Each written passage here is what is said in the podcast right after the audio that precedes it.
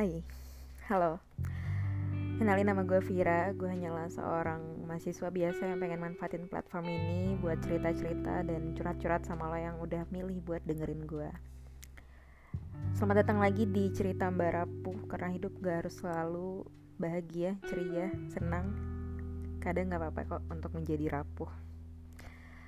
Oke hari ini sebenarnya gue lagi inspired karena gue habis nonton sebuah drama Korea yang bikin gue jadi inget satu hal gitu.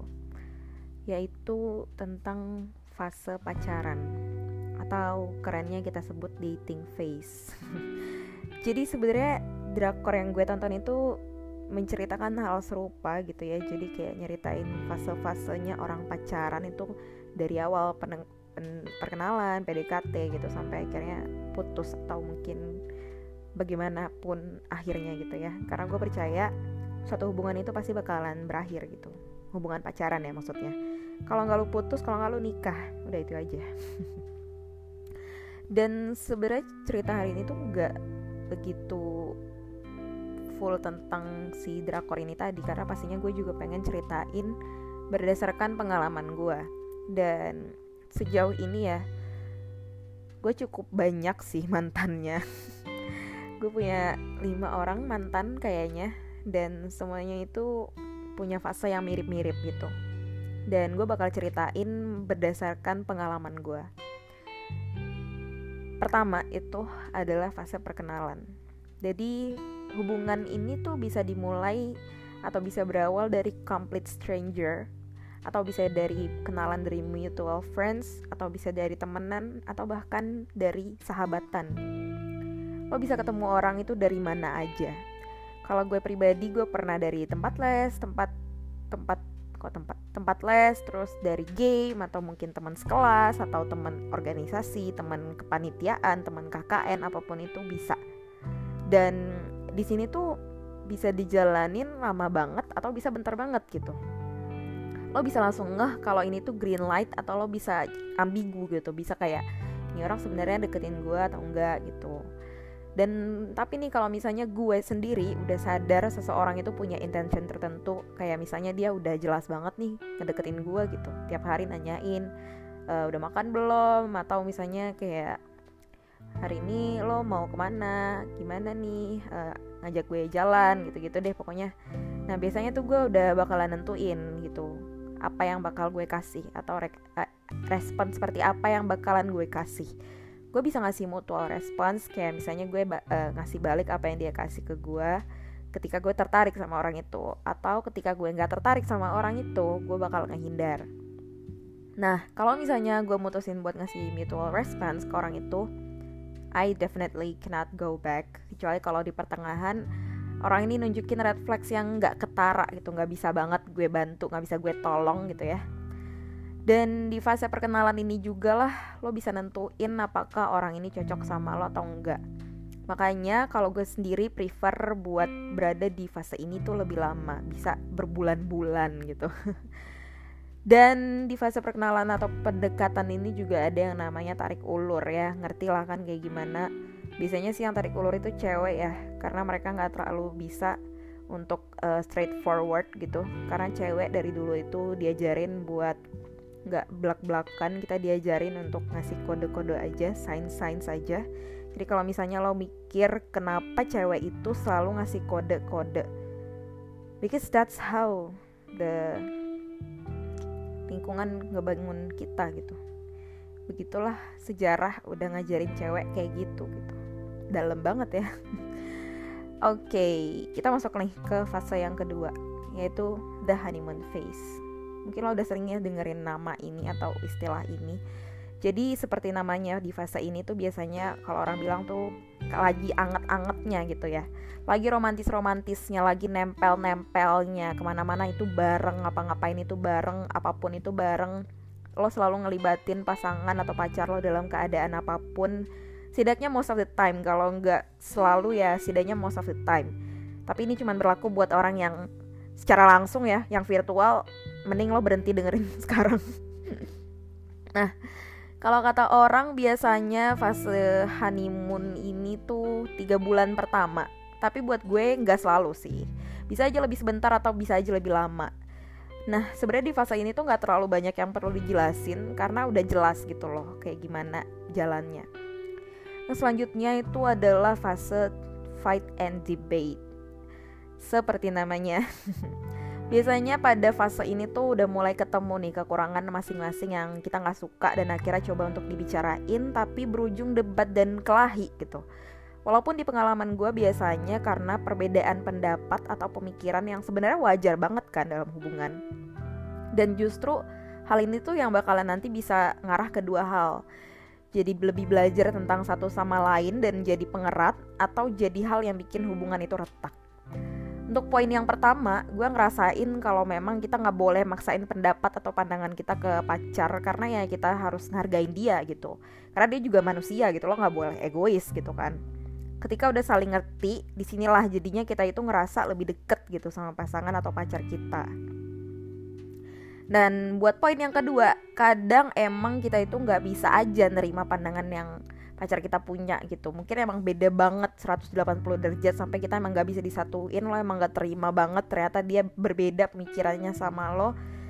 Dan mungkin pada saat itu mungkin lo bisa buat nerima tapi ke depannya hal itu bisa di bring up lagi atau hal itu bisa diungkit lagi dan jadi masalah baru yang bikin hubungan ini retak lagi. Jadi lo bisa atau lo harus milih gitu loh pertengkaran yang lo punya dalam satu hubungan itu apakah bakalan ngarah ke pengeratan atau malah ngarah ke keretakan hubungan? Asik. Ada rhyme-nya tuh. Dan kita lanjut ke tahap yang keempat atau fase yang keempat. Di sini gue kasih namanya jenuh dan bosen karena gue nggak tahu lagi nama yang lain apa. Ini tuh sebenarnya adalah fase paling berbahaya. Jelas setiap hubungan itu bakal ngelewatin ini. Tanya aja sama nenek kakek lo kalau masih hidup gitu apalagi kita yang masih berjiwa muda gitu ya masih pengen explore dan bisa banget ngerasain yang namanya bosen. Beberapa kali sih hubungan gue berakhir di fase ini ya. Sesimpel gue nggak bisa aja gitu ngobatin rasa bosen itu. Tapi pernah suatu kali gue berhasil ngelewatinnya dan caranya itu adalah dengan nyari atau nyobain hal baru bareng pacar karena kalau misalnya lo selalu ngelakuin hal yang itu-itu lagi atau kegiatan yang monoton ya makin cepet lah berasa bosan ini kan. Banyak juga orang yang ketika berada di fase ini bisa sampai tertarik atau suka ke orang lain dan menurut gue ini udah selingkuh sih. Untungnya aja sih gue belum pernah berada di hubungan yang kayak gini ya. Saran gue kalau misalnya lo lagi di fase ini, di fase bosan dan jenuh ini, just take it slow. Lo nggak perlu buru-buru buat ngambil keputusan apa pun karena kalau lo putus di fase ini itu menyedihkan banget bro. Dan biasanya ya kalau misalnya lo denger orang yang putus terus alasannya kamu itu terlalu baik buat aku fix banget dia lagi bosen. Fix banget. Oke. Okay. dan fase selanjutnya atau yang kelima gue namain Restart, Reset, and Replay. Itu berasal dari lirik lagunya Niki ya Yang gue lupa judulnya. If you know, you know lah ya kan. Ya seperti namanya itu Fase ini tuh cuma dilewatin sama orang yang berhasil Ngelewatin fase jenuh dan bosen pastinya. Gue pernah berada di fase ini How lucky I am. Pertama itu restart di mana lo mulai ngerasa berada di honeymoon phase lagi. Everything is chocolate and candy hubungan lo dan pacar baik banget. Lalu riset bosan jenuh semua udah hilang semua udah balik lagi ke ketika kayak di awal lo jadian gitu. And replay. You can do everything that you already did again. Mungkin dulu itu lo hobi pacarannya itu nonton bioskop atau main game bareng and it is happening again. Lo bisa ngelakuin hal-hal itu lagi tanpa adanya rasa bosen karena lo udah ngelewatin yang namanya bosen itu tadi. Dan biasanya nih fase keempat dan kelima atau fase bosan jenuh dan juga restart reset replay ini itu bisa terjadi berulang kali. Apalagi kalau hubungannya itu uh, berjalan cukup lama gitu. Ya namanya juga hubungan manusia ya kan? Dan gue bakalan masuk ke fase terakhir atau fase yang paling menyedihkan dan semua orang gak bakal pengen ngerasain the breakup. Yes this is the last part. Karena balik lagi ya ini berdasarkan pengalaman gue gue ini nggak pernah balikan sama sekali. Once I break up with someone it is the end. I don't know what the future has in store with me. Mungkin nanti bakal ada kejadiannya tapi ya gak tahu. At least sampai sekarang gue itu belum pernah balikan sama mantan gue sekalipun. Dan fase putus ini bisa terjadi karena banyak hal banyak banget faktor.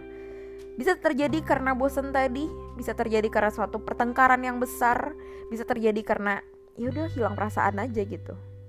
Dan apa pun alasan putusnya gak ada putus yang baik-baik aja.